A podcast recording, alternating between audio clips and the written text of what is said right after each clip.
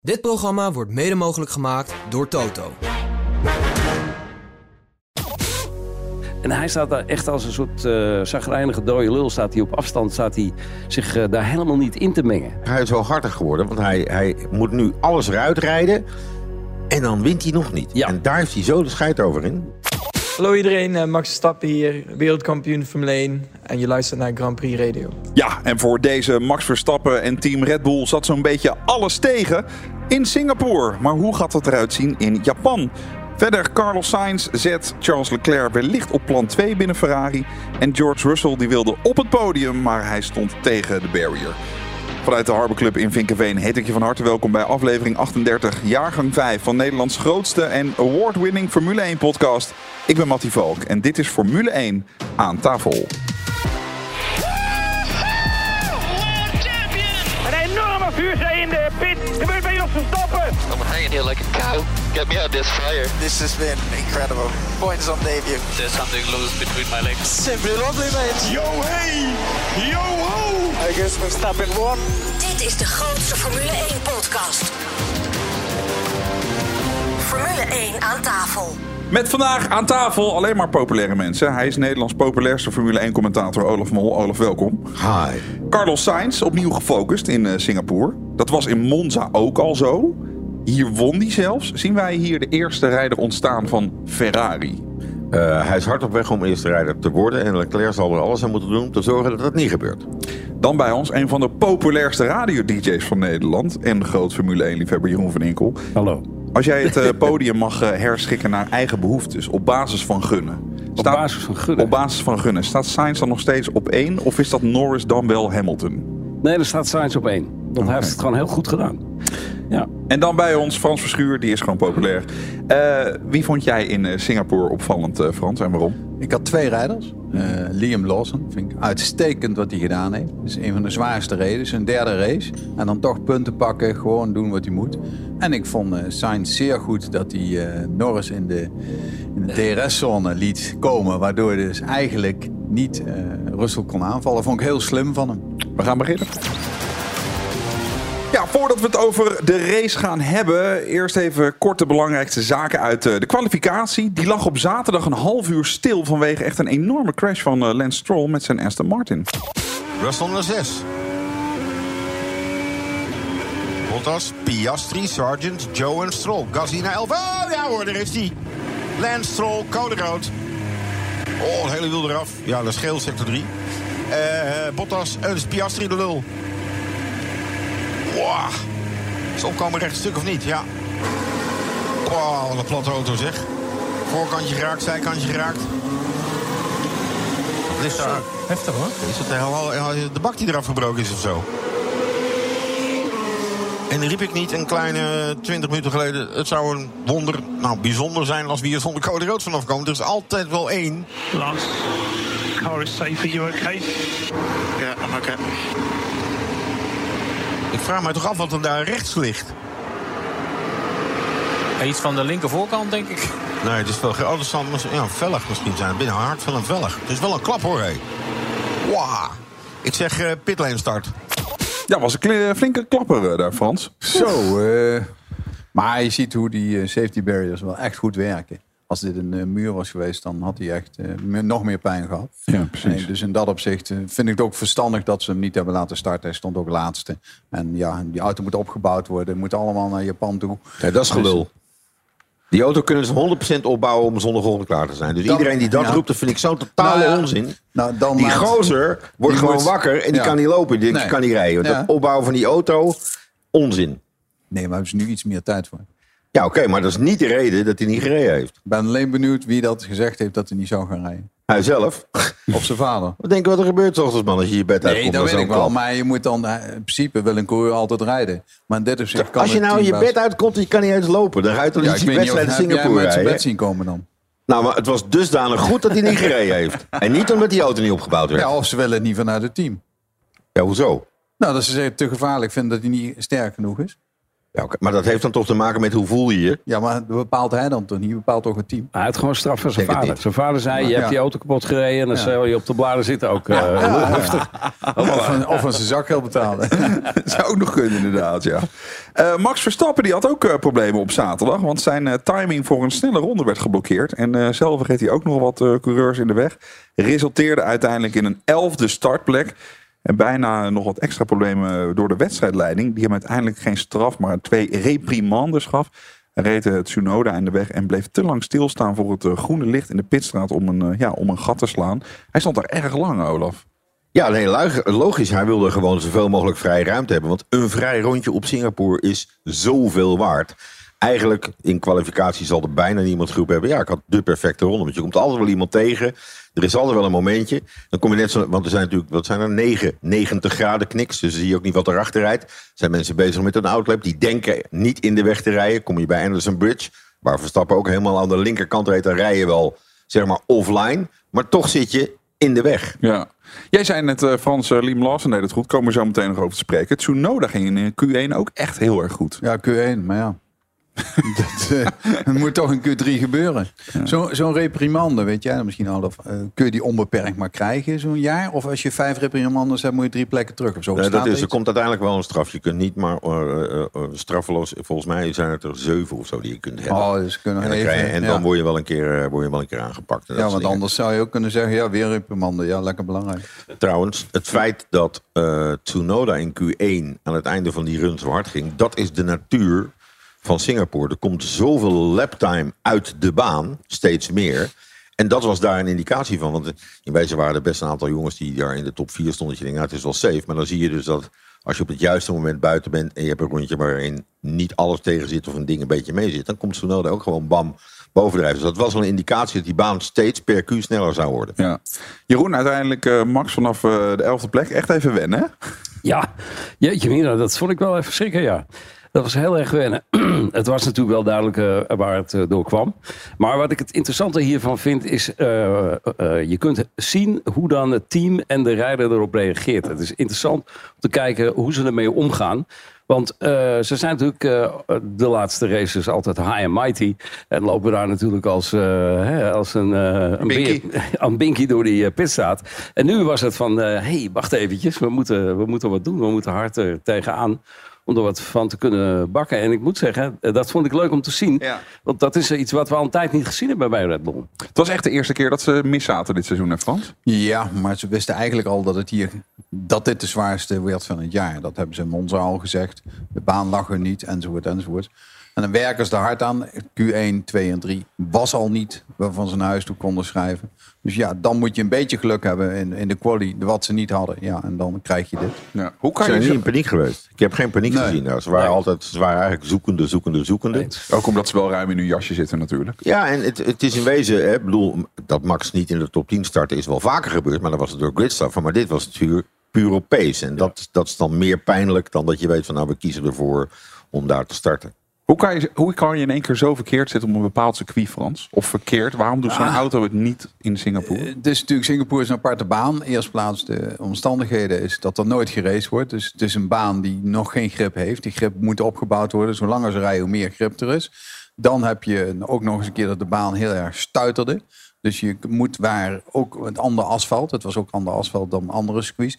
Dus daar heb je toch een heel ander verhaal moeten doen. En dat, dat ze zeggen dat het aan de updates lag van de FIA die dan de vloer. En dat vind ik ja, nee, dat, dat heeft Red Bull zelf ook nooit gezegd dat het daar aan lag. Dus het lag gewoon aan de baan en de omstandigheden. Uiteindelijk plek 11 en is het zondagmiddag. Zondag 17 september 2023. Vier lampen aan, vijf aan, uit en onderweg met Sainz van Pol, dan Russell daarachter, Charles Leclerc op die rode band. En Leclerc heeft inderdaad een goede start, kiest de buitenkant en heeft die tweede plek aan te pakken. Slechte start van Russell en die stuurt Lewis Hamilton rechtdoor. Zal hij wel wat plaatsen terug moeten gegeven Hamilton, want volgens mij komt hij met enorm veel exit speed daar weer voor George Russell terecht. En lost hij dat dan al in? Dat lijkt mij niet. Althans, hij moet het inlossen. Maar hoe ga je dat doen? Feitelijk rijdt hij op een illegale plek en heeft een van die Williamsen daar schade op de vleugel. Laten we dat eens even bekijken. Stappen volgens mij één plek gewonnen op de tiende stek. Alonso er goed bij zit. Achter Lando Norris. En Hamilton zit nog steeds voor George Russell. Magnussen en Ocon lekker met elkaar aan het knokken. Kevin aan de buitenzijde en Ocon op zijn verjaardag gaat gewoon weer terug naar waar hij was. Dat wil zeggen een plek voor hem. Ach ja, die Ocon op zijn verjaardag, die bleek uiteindelijk nog lang niet jarig. Komen we zo meteen op. Eh, eerst even over eh, Hamilton. Ja, die schiet door. En die moeten ze eigenlijk twee plekken teruggeven. Daar nam hij ruim de tijd voor. Ja. Dat was gewoon een keuze. Hè? Dat was wel eh, over daar. Hij had gewoon zich voorgenomen van oké, ik ga een tandje laten remmen. Schakelt notabene op hè, buiten de baan. Hè? Gaat gewoon een versnelling hoger om eh, zo snel mogelijk die bocht door te komen. Ja, La- je zag het ook uiteindelijk- als een stuur, hè? Hij, hij ging gewoon rechtdoor. Simpel zat hij. En, en dan roept hij voor de bühne, roept hij, George push me off. My ass. Er zat echt een halve meter tussen. Maar dat ja, dat, ik hou daar wel. Ik vind dat als je dat bedenkt en je voert het zo uit, vind ik het wel tof. Dat hij uiteindelijk in mijn optiek twee plaatsen terug moest geven. Maar er kwam nog voor dat hij eh Lando Norris toch volgens mij voorbij gelaten heeft. We hebben het op tv niet gezien. Kwam er een no further action. Nadat hij Russell voorbij gelaten heeft, kwam er een no further action. Dus hij heeft nooit de opdracht gekregen om de plek weer terug te geven aan Lando. Want dat komt natuurlijk omdat hij al koos ik ga rechtdoor. En dat hij bij het insturen al voor Lando zat. Eh Perez die raakte Tsunoda in eh, de Alfa Tauri, die daardoor uitviel.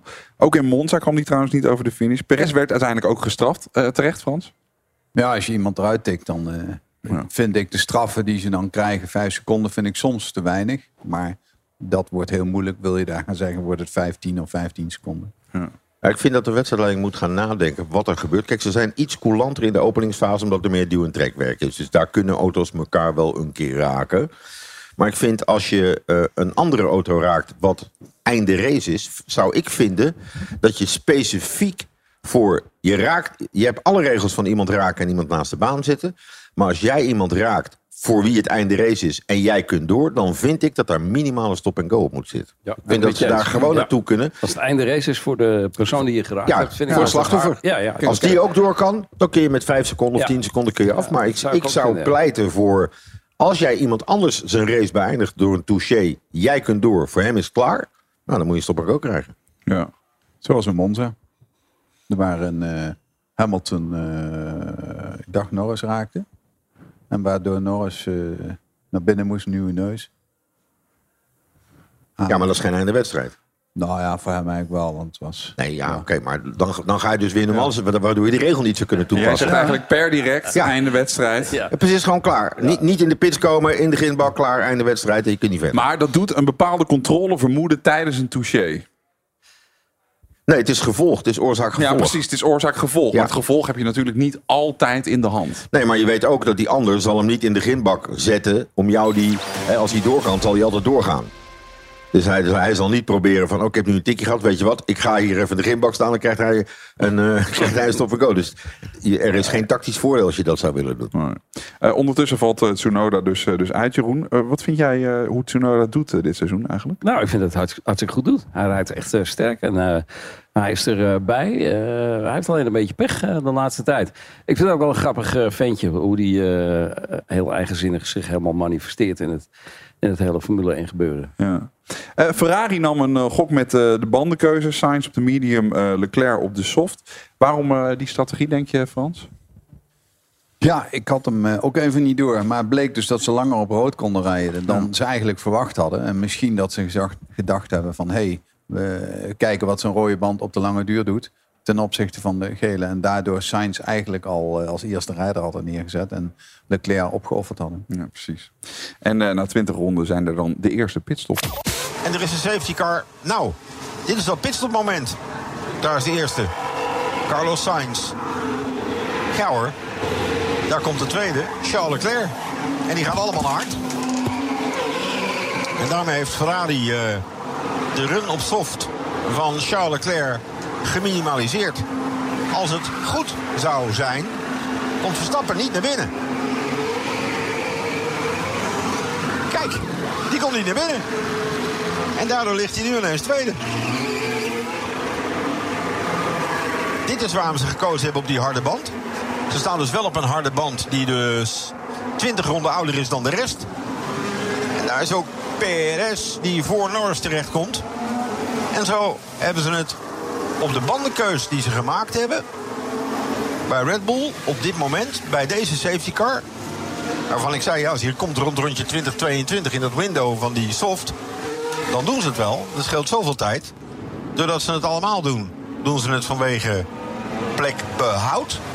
En uiteindelijk doen ze het bij Red Bull Racing vanwege positiewinst. En heeft Ferrari inderdaad Leclerc geslachtofferd om die gestekte pitstop te laten gebeuren. En dat gat heeft hij twee Red Bulls om zijn oren gekregen. En George Russell. En Lennon Norris. Oh, staan ze wel allemaal nu weer op dezelfde band. Geestig. Ja, die safety car die werd veroorzaakt door eh, Logan Sargent. Die eigenlijk door zijn eigen schuld zijn voorvleugel eh, verloor. Die nam die onder zijn auto eh, netjes mee richting de pitstraat. Verstappen die was gestart op de harde band en die bleef buiten. Terwijl de rijders die op de mediumbanden waren gestart voor hem naar binnen gingen. Max schoof daardoor naar P2. Ja, die safety car die kwam eigenlijk tactisch iets te vroeg voor, voor Red Bull, hè, Frans. Ja, ik vond hem, ik vond hem wel al vreemd dat hij op, op de harde band van start ging verstappen. Had ik niet gedaan. Maar ja, hun hebben daar andere redenen voor. En dan kwam hij inderdaad voor Verstappen een beetje verkeerd, die pitstop. Dat was, eh, maar ja, het hele weekend zat niet mee, dan zit dit ook niet mee. Nee, precies. Ja, dat hebben ze na afloop. Ik, ik vind dus van niet. Want zoals ik het hier nu bes- beschreven heb, live as het heb, dat is het enige waarom je op een harde, band sta- harde band start. Is om de eerste relatief vroege safety car over te slaan. En dat hebben ze gedaan. Ja, maar die- daarna kwam je er toch mee in. Ja, dat maar, is nog maar meer. het, het gaat dan toch, het gaat dan toch om posities. Ik denk, dat het, ik denk dat ze het precies wel zo berekend hadden. Denk je dat er een ideale scenario is, zou kunnen hebben plaatsvinden, Frans? Voor Red Bull? Ja, daar had nog een eh, safety car moeten komen. Ja. Juist. Eerder. Ja, daar had er nog eentje. Ja. En eerder, dan was het wel Ja. ideaal geweest. Ja. Dan was dat gebeurd. Leclerc die, eh, verloor zowel voor als na de pitstop echt eh, veel tijd. Voor de stop liet hij bewust een gat vallen naar Sainz vallen. Om eh, met twee Ferraris tegelijk naar binnen te gaan.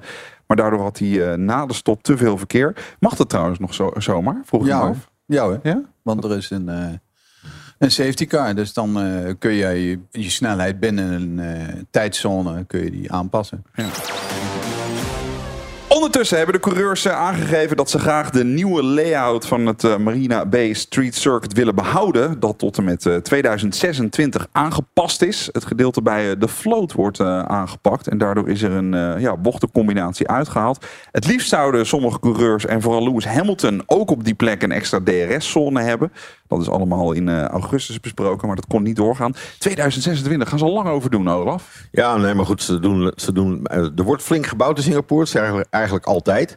Eh, bouwen daar doen ze heel met veel Filipino's en niet met lokale mensen. Dus het is altijd 24-7 dat daar gebouwd wordt. Gewoon 24 uur per dag, 7 dagen in de week. En dan nog duurde het. Het eerste jaar dat wij daar kwamen was dat mooie hotel, de Sands, op die drie palen met dat ding en dat zwembad bovenop. Waren ze aan het bouwen. Het duurde nog twee jaar en daarna was het uiteindelijk pas af. Maar dat, is, dat zijn bouwputten, dat wil je niet weten. En het zou best kunnen zijn dat ze op de plek waar nu dus niet gereisd wordt, dat ze daar vijf, zes verdiepingen ondergrond een eh, parkeergarage maken. En daarna pas er bovenop gaan bouwen. Nou, dan ben je wel even bezig. Vind jij het een leuk circuit om te bekijken, Jeroen? Ja, zeker. Ja. Ja, ik vind het een leuk eh, circuit om te bekijken. Eh, ook omdat ik eh, mezelf een paar keer in Singapore geweest. En ik zie eh, landmarks die ik dan herken. Dat heb ik bij Monaco ook. Dat vind ik altijd eh, heel sfeervol en heel geinig. Eh, maar ik vind al die blinde bochten, eh, dat voel je ook als je als kijker eh, het volgt.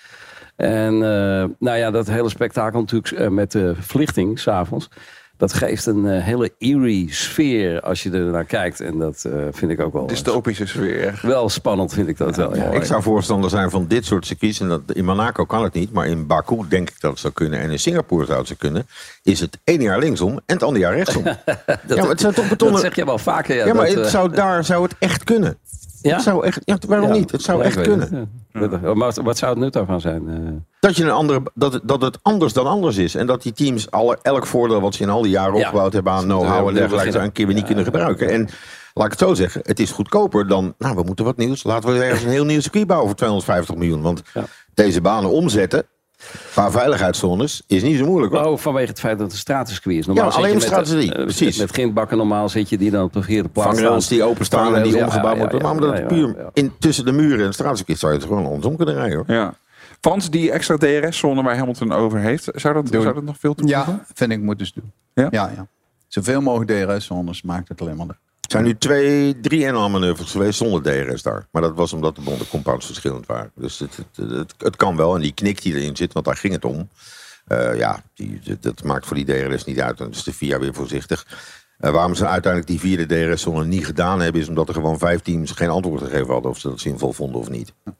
Die hebben geen gehoor gegeven. Die hebben gewoon niet geantwoord op de vraag. Geïnteresseerd. eh. Ja, Kijk maar even wat je doet. ook een nette manier om nee te zeggen. Ja, dat klopt, ja.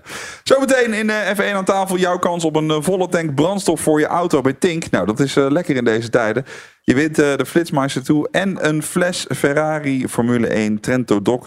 Ja, de bubbels eh, die je kent van het podium van de Formule 1. En ook beantwoorden we een vraag van een luisteraar. In dit geval afkomstig van Tom van Zuidam over de camera's op de F1-auto's. Tot zo.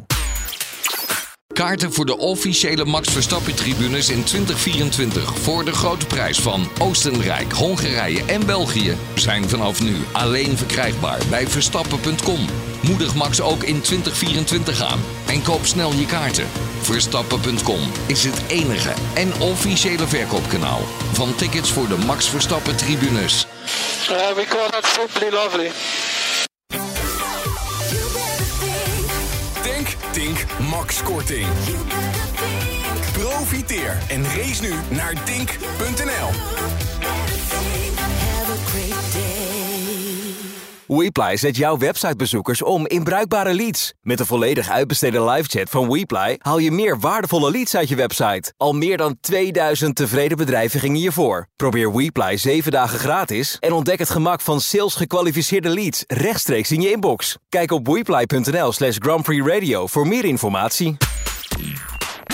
Dit programma wordt mede mogelijk gemaakt door Discovery. Je luistert Formule 1 aan tafel. Dit is de grootste Formule 1 podcast van Nederland. Straks in Raad het Autogeluid maak je kans op eh, mooie prijzen. Maar eerst hebben we een vraag van Tom van Zuidam. Hij vraagt via F1 aan tafel at grandprixradio.nl. Heren, ik heb een vraag over de camera's op de auto's. Waarom is van elk team de ene camera op de auto geel en de andere zwart? Ja, het moet van de FIA. Gaat over eerste rijder, tweede rijder. Dus de, de camera, daar zit alleen een stickertje bovenop. Helgeel is het eigenlijk. Het zit ook wel eens andersom.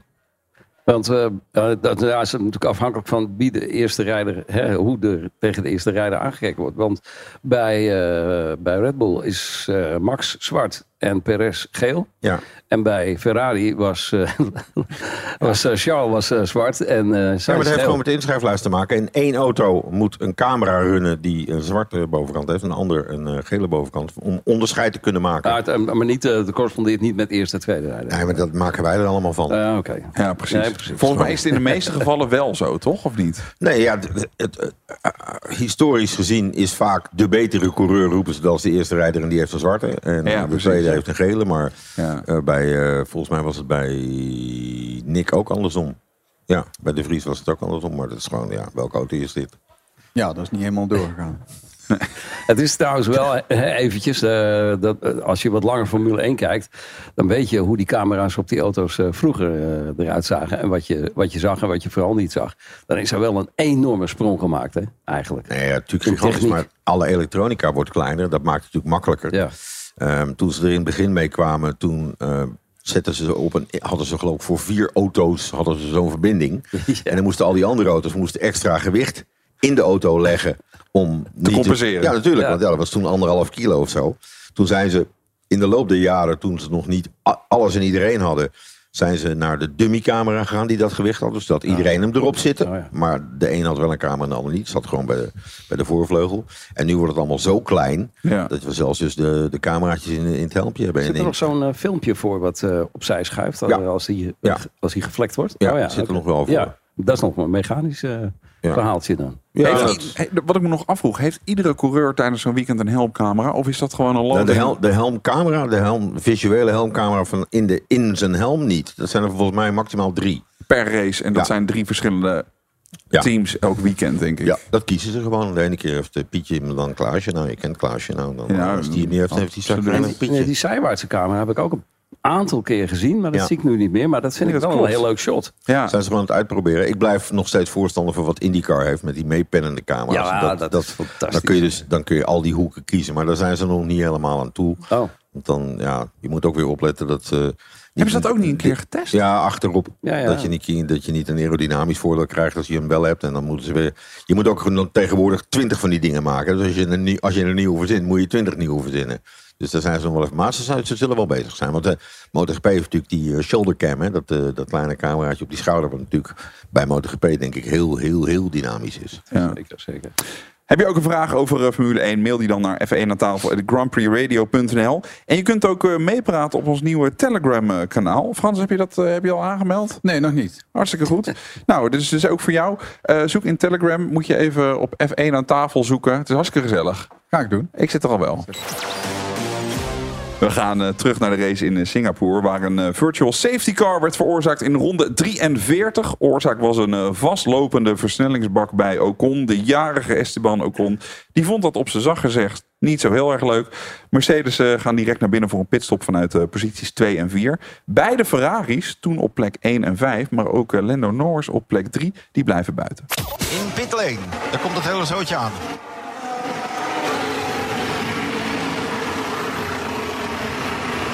Behalve Sainz, Norris. Nou, twee keer Russell. Nou, dat is interessant. Twee keer Russell. Leclerc ook doorgereden, hè? Die krijgen dus nu eh, de Mercedes op mediums achter zich aan. En wat doet Fernando Alonso? Dat is de grote vraag. Ja, die gaat ook naar binnen. Nou ja, het, het verbaast mij dat Sainz, Norris en Leclerc het allemaal niet gedaan hebben.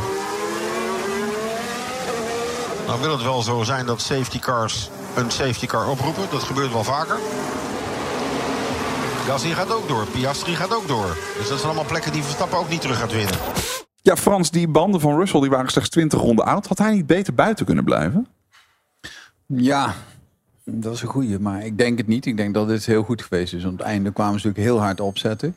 En ik denk als ze hadden eigenlijk niet verwacht dat eh Sainz die Norris en die, eh, die DRS-zone liet lopen. En daardoor hem meetrok. En daardoor eigenlijk wegbleef van, van Russell. Dus dat deed Sainz heel goed. En dat had Mercedes niet verwacht. Want eh, dat was eigenlijk het punt waarom Norris, dacht ik, zo lang duurde voordat hij echt kon aanvallen bij Norris. Ik denk als de top 3 naar binnen gereden was, dat Russell doorgereden was.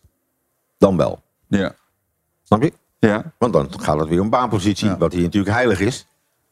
Maar ze zaten er en dicht achter, dus dat is een hele late call. Dat heeft Sainz natuurlijk slim gedaan, doordat hij het treintje dicht achter zich liet. Maar doordat zij niet gingen, is hij dus wel gegaan. Helder. En dan kom je op een andere set banden, dan heb je meer, meer pace in het laatste deel. En dus kun je er naartoe rijden, wat er ook gebeurt. Ja. We geven je in eh, Formule 1 aan tafel de kans om een volle tank brandstof voor je auto te winnen in Raad het Autogeluid. We gaan naar eh, Mario de Pizzaman en verkoper Jan Knevel. Dag Jan. Hey, een hele goede middag Mario. Ik moet jou even wat vragen. Eh, verkopen jullie ook nog wat anders dan eh, Mercedes? Eh, kan er maar één de beste zijn, maar we doen ook veel Porsches erbij. Maar Mercedes is toch wel de beste hoor. Ik zie heel veel Mercedes nu. Kan er nog maar eens één maar de beste zijn. Eh, wat voor auto zit je nu in? Uiteraard weer een hele mooie Mercedes met een mooie ster eh, in zijn grillen. En het is een dieseluitvoering. Kun je nog verder wat eh, specificaties aangeven om het nog iets makkelijker te maken? Want het is, anders wordt het te moeilijk hè? Het belooft iets makkelijker te maken. Het is een E-klasse diesel. Het is het laatste model wat op de markt gekomen is. Dus daar heb ik er maar eentje van op de site staan. Dus even zoeken, dan vind je hem zeker. Dat heb, jij, heb jij nieuwe schoenen aan trouwens? Ja, die heb ik een, paar weken geleden lekker op Zandvoort gekocht. Ik liep dan met mijn korte broek. eh, ik denk, pak gelijk de fijne schoenen erbij. Er is mail overgekomen, dat vertel ik je later wel een keer. Kun je het geluid horen? Ik slinger hem aan voor je.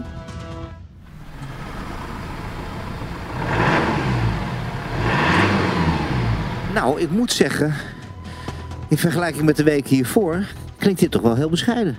Heel bescheiden. En eh, ja, de nieuwe diesel, dus geen zwarte plopkap. Dus eh, hij stoot minder rotzooi uit als de nieuwe benzineauto. Dus. De plopkap hoeft niet in de was dit keer. Deze keer niet, nee. Hij blijft mooi helder. Waar vinden we deze auto? Deze vinden we natuurlijk op www.paulvanbergen.nl. Ja, daar vind je hem wel. Toppie oppie. Ja, weet je van welke auto je zojuist het geluid hoorde? Kijk dan of je hem kan vinden op paulvanbergen.nl. Mail je antwoord naar F1 aan tafel at grandprixradio.nl. Winnaar van vorige week is Annie Lemmens. Het was een Mercedes 500. Ah nee, gefeliciteerd. Dankjewel Jeroen. Eh, je wint een eh, volle tank brandstof eh, voor je auto bij Tink. De Flitsmeister 2, zodat je niet meer te hard rijdt. En een fles Ferrari Trento Doc, bekend van het Formule 1 podium. Ja, dan eh, de laatste minuten in eh, Singapore. Beide Mercedes eh, die jagen in de eindfase op. Carlos Sainz die aan de leiding ging. En Lando Norris daar pal achter. Per ronde komen Russell en Hamilton steeds dichterbij. En bij het ingaan van de laatste ronde zitten ze op de staart van de nummer 2, Norris. Maar dan. Oh, Russell! Russell! Piemel! Laatste ronde. Het was nog niet klaar. Hij raakt volgens mij de muur. En zo gaat dat podium naar Lewis Hamilton. En wordt Leclerc vierde en Verstappen vijfde. Want George Russell ligt eraf. Gooit alles weg. In de wedstrijd waarvan hij dacht... Die wil ik winnen. Ja, die win je dus niet als je hem uiteindelijk gewoon in de vangrail zet. In bocht 10.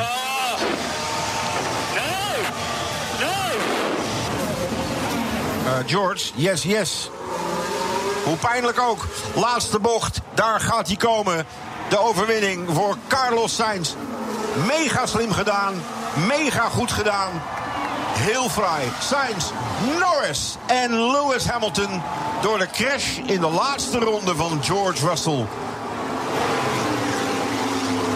Dan is het wachten op Charles Leclerc, die er 20 seconden achter zit. Twee pole positions achter elkaar en een overwinning in Singapore. Carlos Sainz is on fire. Kijk eens, Verstappen toch nog heel dicht bij Leclerc. Zal tevreden zijn met P5. Moet dat zijn? Frans kun jij vinden in eh, de woorden van Olaf Mol. Piemel. Ja, eh, dit is werkelijk. Maar dat heeft Russell zelf ook toegegeven. Dat het heel, heel, heel dom is wat hij gedaan heeft. Maar ik begrijp het ook wel. Hij probeert alles eruit te halen. Norris die had dan het geluk en die raakte de muur ook heel licht. Heel licht, ja. Die, die, die had dus wel het geluk en hij zat misschien twee centimeter naar rechts. Dus zo nauw luistert het. En, en Russell voelde gewoon dat het, dat het wel ging komen. Dat hij een, Norris kon, misschien wel kon inhalen. Dus ja, daar heeft hij dus alles op gegokt. Maar ja, toch net eventjes niet de dingen. Ik En vind- vergeet ook niet dat die, die, die Hamilton in zijn nek had zitten. Die echt bovenop hem zat. Ja, dus hij zeker. moet... Ja, dus je zit dan, eh, ga ik aanvallen of gaat Hamilton, had, misschien hebben ze orders gehad, dat heb ik niet gehoord, maar dat zal niet. Nee. Maar dan, dan heeft hij toch een beetje van waar zit, waar zit Hamilton, weet je wel. Dus het super stomme fout. Want dat is het punt. Ja. Als je goed kijkt naar het Ja. shot ook. Juist in bocht 10 komt die vangrail Ja. nog een pedaal. lag vroeger die irritante Singapore sling. Ga je eraf bij een inhaalpoging om iemand te pakken, dan vind ik het terecht. En daar heb ik er ook wel vrede mee.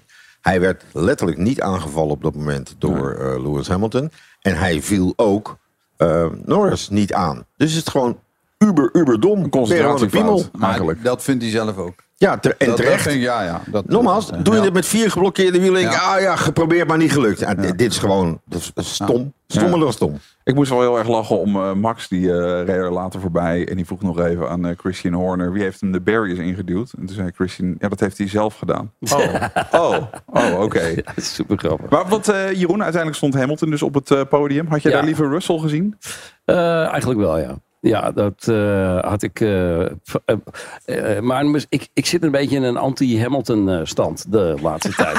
nou, wat leuk. Wat een fris geluid. Wat een fris geluid, hè? Ja. Ik vond ook, zeg maar, na de wedstrijd in die, hoe heet dat, de Blue Room of de Green Room, waar, waar ze met... Dark room. Welke kleur heeft hij? Ja, geen, de dark room, weet ik Ja. niet. Nee, maar dat, is, dat ze dan na de wedstrijd met, met de nummers 1, 2 en 3 in dat hok zitten en een beetje met elkaar houden. Dat vind ik echt zo schrijnend om te zien. Dat eh, die jongens, Sainz en eh, Norris, die zitten een beetje met elkaar te dollen. Te lachen, eh, een beetje nog naar die beelden kijken. Oh ja, dit en dat. En hij staat daar echt als een soort eh zagrijnige dode lul. Staat hij op afstand, staat hij zich daar helemaal niet in te mengen. Hij Dat- komt ook als laatste. Hij komt binnen ja. alsof hij door de desert heeft gelopen. Hij is wel hartig, hij is wel hartig geworden. Want hij, hij moet nu alles eruit rijden. En dan wint hij nog niet. Ja. En daar heeft hij zo de scheid over in. Ja, dat, dat is echt, het- op het moment dat hij weer gaat winnen, zal hij super irritant worden, weten we ook. Hè? Want dat is natuurlijk weer eh, best, eh, best crowd ever. Ja, best en, crowd. eh, Tank on the Factory krijgen we dat weer allemaal. Maar dit, dit, dit is gewoon zijn eigen zagrijn. Dat het, dat het ja, alles eruit gereden en weer niet gewonnen. Dat is wel wat er bij hem binnenkomt. Want uiteindelijk, ja, hij klimt naar de derde plek in het kampioenschap. Dus maar daar komt hij niet voor. In hoeverre heeft Sainz nou nog echt geprofiteerd van, dat, van het werk van Norris, eh, Frans? Ja, ik denk heel veel. Ik denk als, als, eh, dat, dat als ze niet die DRS gehad had, Norris, en Russell er voorbij was gekomen, ja, dan was het toch nog voor Sainz moeilijk geworden. Ja. Wat ik niet helemaal begreep was die boordradio... waarin Sainz uitlegde van ja, maar ik doe dit expres. Ja, je- Dat- maar, dat precies daarom. ja. Precies Dat- daarom. die, eh, ja. Hij wist wel dat... Want kijk, laten we nou even reëel zijn, jongens. Sainz heeft niet één rondje hard gereden. Knetterhard gereden. Hij liet ze allemaal maar in zijn schoot vallen. Maar dan wist hij, ja, dan hebben zij ook druk van achter. En dan wordt het hier nog lastiger. Je kunt alleen met een DRS naar Raffles Boulevard... kun je echt inhalen.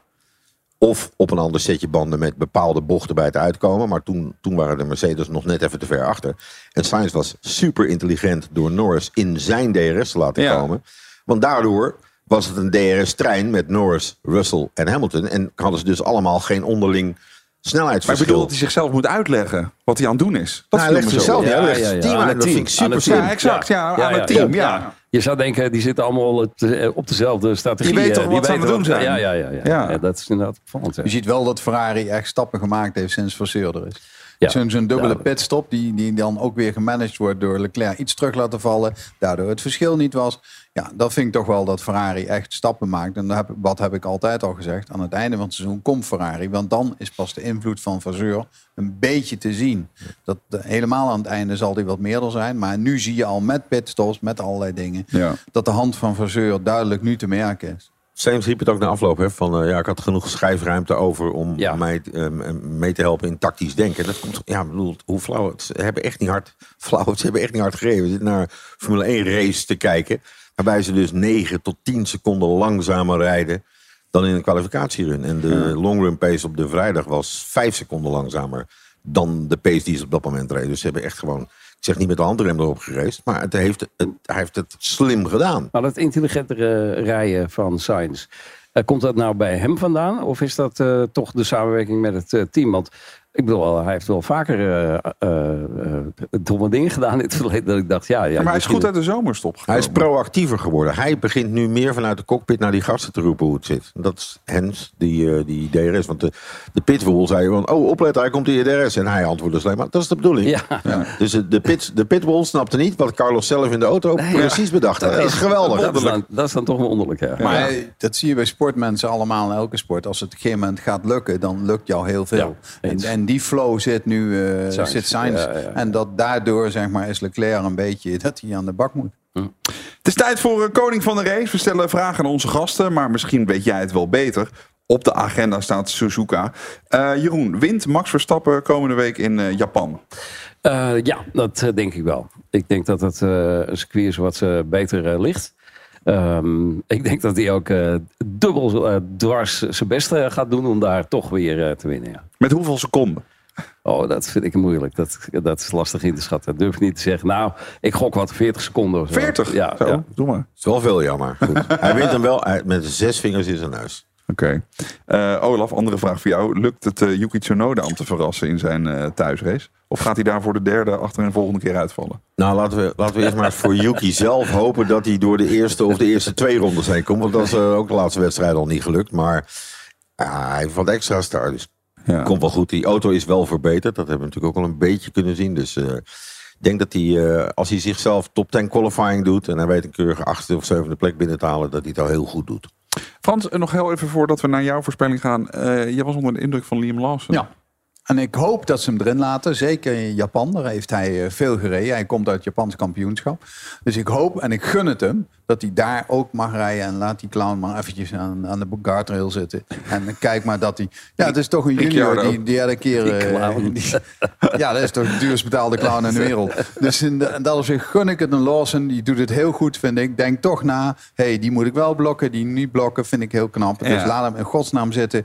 En zeker in Japan, wat circuit wat hij kent. En dan moet Yuki in de bak. Want dan krijg je het echt te zien van, hey, tussen die twee. Wat zijn eigenlijk de prognoses voor eh, Ricciardo? Hij is er volgende race sowieso niet bij, volgens mij. Nee, zeer waarschijnlijk niet. Dus, Komt hij ja. ook nog op zijn oude niveau terug? Nee.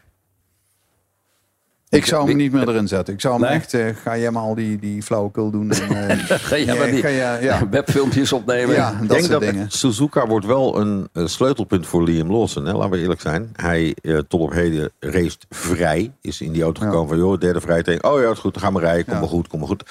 Nu weet hij wat er kan. Nu is hij in zichzelf aan het geloven dat hij dat allemaal kan. En hoe wordt dan een weekend, ook nog in Japan op een baan die hij goed kent... Hoe gaat hij dat dan doen? Gaat hij daar dan ineens overdriven en fouten maken? Want dat kan, hè? Het is, Ja. de, het is de vrijheid in je hoofd waarmee je zegt... ja, nou ja, ik moet even invallen, komt wel goed. Of het, het, het Niks te verliezen eigenlijk Juist. tussen je oren. Ja, Hij, hij is ook de jongste rijder van het veld, geloof ik. Ja, niet? Dacht het wel, ja. Dus Ja? hij ja, dacht het wel, ja. Jonger dan Piastri ook nog. Ja. Oké. Dus in dat opzicht, ja, ik gun het. Ehm, dan nog een laatste vraag voor jou, eh, Frans. Eindigde Carlos Sainz weer eh, voor Leclerc? Ja. Oké. dat denk ik ook. Praat ook mee met de koning van de race op het eh, Instagram-account van ook. Grand Ja, Prix Radio. En Jeroen ook. En jij? Ik denk het ook. Ja, toch? Oh, Ja, oh. ja, ja. Ehm, Japan is een race die in de middag lokaal, maar bij ons in alle vroegte op eh, zondagochtend om 7 uur wordt verreden. Jeroen, volgens mij zit je dan op de radio. Ja, man, dat is echt eh, eh, heel oncomfortabel. Jouw programma begint om 7 Mijn uur. programma begint om 7 uur. Ja. Ja. Dus ik ben, Hoe ziet eh, dat eruit in de studio? Staat er dan ergens ja. in een hoek een televisie Nou, aan? niet in de hoek hoor. Staat gewoon recht voor mijn neus. Er staat gewoon staat een, nog voor het mengpaneel. Wel zonder geluid, dat wel natuurlijk. Ja. En dan probeer ik wel, ik probeer dan een beetje te focussen tijdens de, de spreeks hè, en, aan een afkondigingen. Maar ja, ik wil het wel volgen, ja. Echt wel. Mooi. Alle sessies van eh, vrije trainingen tot racen zijn eh, live te beluisteren bij Grand Prix Radio. Download even de app en neem eh, Premium BE. Er zit namelijk een ingebouwde VPN in. Nou, kortom, dat is allemaal technische praat, maar dan kan je niks missen. En dan hoef je ook niks te missen. Alles is live te beluisteren. Natuurlijk met het commentaar van Olaf Mol en Jack Ploy. Heren, dank jullie wel voor jullie aanwezigheid. Yes, graag gedaan. Deze week in F1 aan tafel. Bij de deur staat voor jullie allemaal een fles officiële Formule 1 Ferrari Trento Doc. Eh, Volgende week zijn hier te gast voormalig Formule 1 coureur Michel Blekemolen. Frans, je bent er ook? Ja, ik ben er. Bij deze bevestig. En Formule 1 TV-regisseur Rolf Meter. Tot zover Formule 1 aan tafel. Redactie in handen van Sjaak Beumer. Beeld Rob Steltman. Productie Mario de Pizzaman. Ik ben Mattie Valk en blijf nog even hangen voor de bonus.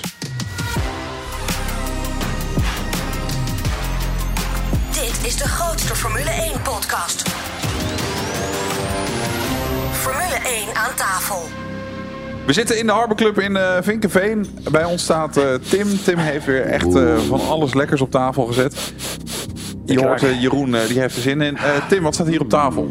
Nou, we hebben als eerste een portie bitterballen. Olé! Hey. Daarbij hebben wij nog wat eh, sushi gedaan. De spicy tuna maki met rode miso saus. Best wel pittig. De ebi maki met een gefrituurde garnaal, wasabi mayo, teriyaki saus. Nog wat nigiris met salmon tonijn. En als laatste bij de gebakken oesters. Hebben wij eh, gebakken, een beetje van spinazie en dan een Goed, dat petje doet het hem. Sorry hoor. Dat is echt Geweldig. fantastisch. Tim, dankjewel. Kijk, ze zijn in slaap gevallen ook. eh. Ik heb, ik heb altijd geleerd, oesters eet je niet, die befje. Nou, eh, dan ga je gang, Olaf. Ja, hier, als jij dat nou even laat zien hoe je dat doet, dan gaan wij ik even kan alleen kijken. maar zeggen dat ik niet van oesters hou. Hey eh, Jeroen, je zit eh, in de bonus. In de bonus, Ja, ja. eigenlijk in principe eh, eh, vertel wat, je, wat er op je hart ligt. je zit al heel lang op de radio, dus eh, ik geef het woord aan jou. Oh, Ja. God. Ja. Eh, moet het per definitie je moet natuurlijk wel over de Formule 1 gaan? Hè? Nee, is- absoluut niet. Nee, liever niet. nee, liever niet. Nee, Oh, nee. dus dingen die je dwars zitten, eh, het mag over een heel breed, breed spectrum gaan. Zijn er andere zaken die jou bezighouden? Nou, Groot ik, geluk, eh, kleine pech. eh, dus eh, er zijn er een hoop dingen in het leven waar ik wel eens eh, over nadenk. Oh god, dit wordt een lange bonus. maar ik, eh, ik denk dat eh, eh, ik, ik zou wel eh, pleiten voor wat meer verdraagzaamheid naar elkaar. Oh, dit Ja. wordt een stichtelijk woord. in keer. Tussen de discjockeys onderling of... Nee, eh, nee, nee, nee, nee, gewoon in het algemeen, weet je wel. Want eh, we, we zijn al zo onaardig tegen Hoezo elkaar. zeg je dat? Waarom Ja, vind je dat? je daar dan bij? Hoezo dan? Ja, hoezo? Ja, wat is het voor Wat een is lul? ja. Hoezo verdraagzaamheid? Kom op, Wat, wat ik hier bedoel. Jongen, jongen, Bedoel, jongen, jongen. Mag ik Meteen hier dat zitten hele- en dan verkeerd verkeer aan. Zo? Ja. Verschrikkelijk. Klein zeg. beetje verdraagzaam Ja. proberen te krijgen. Ja. Ik eh, zwijg, want ik eh, zwijg tegenover domheid. Dat moet je volhouden. Let op. Alle gebruik van hetgeen in deze podcast F1 aan tafel wordt opgemerkt is ongeoorloofd. Zonder expliciete schriftelijke toestemming te zaken verkregen van Grand Prix Radio. Met inachtneming van een duidelijke, deugdelijke bronvermelding met link.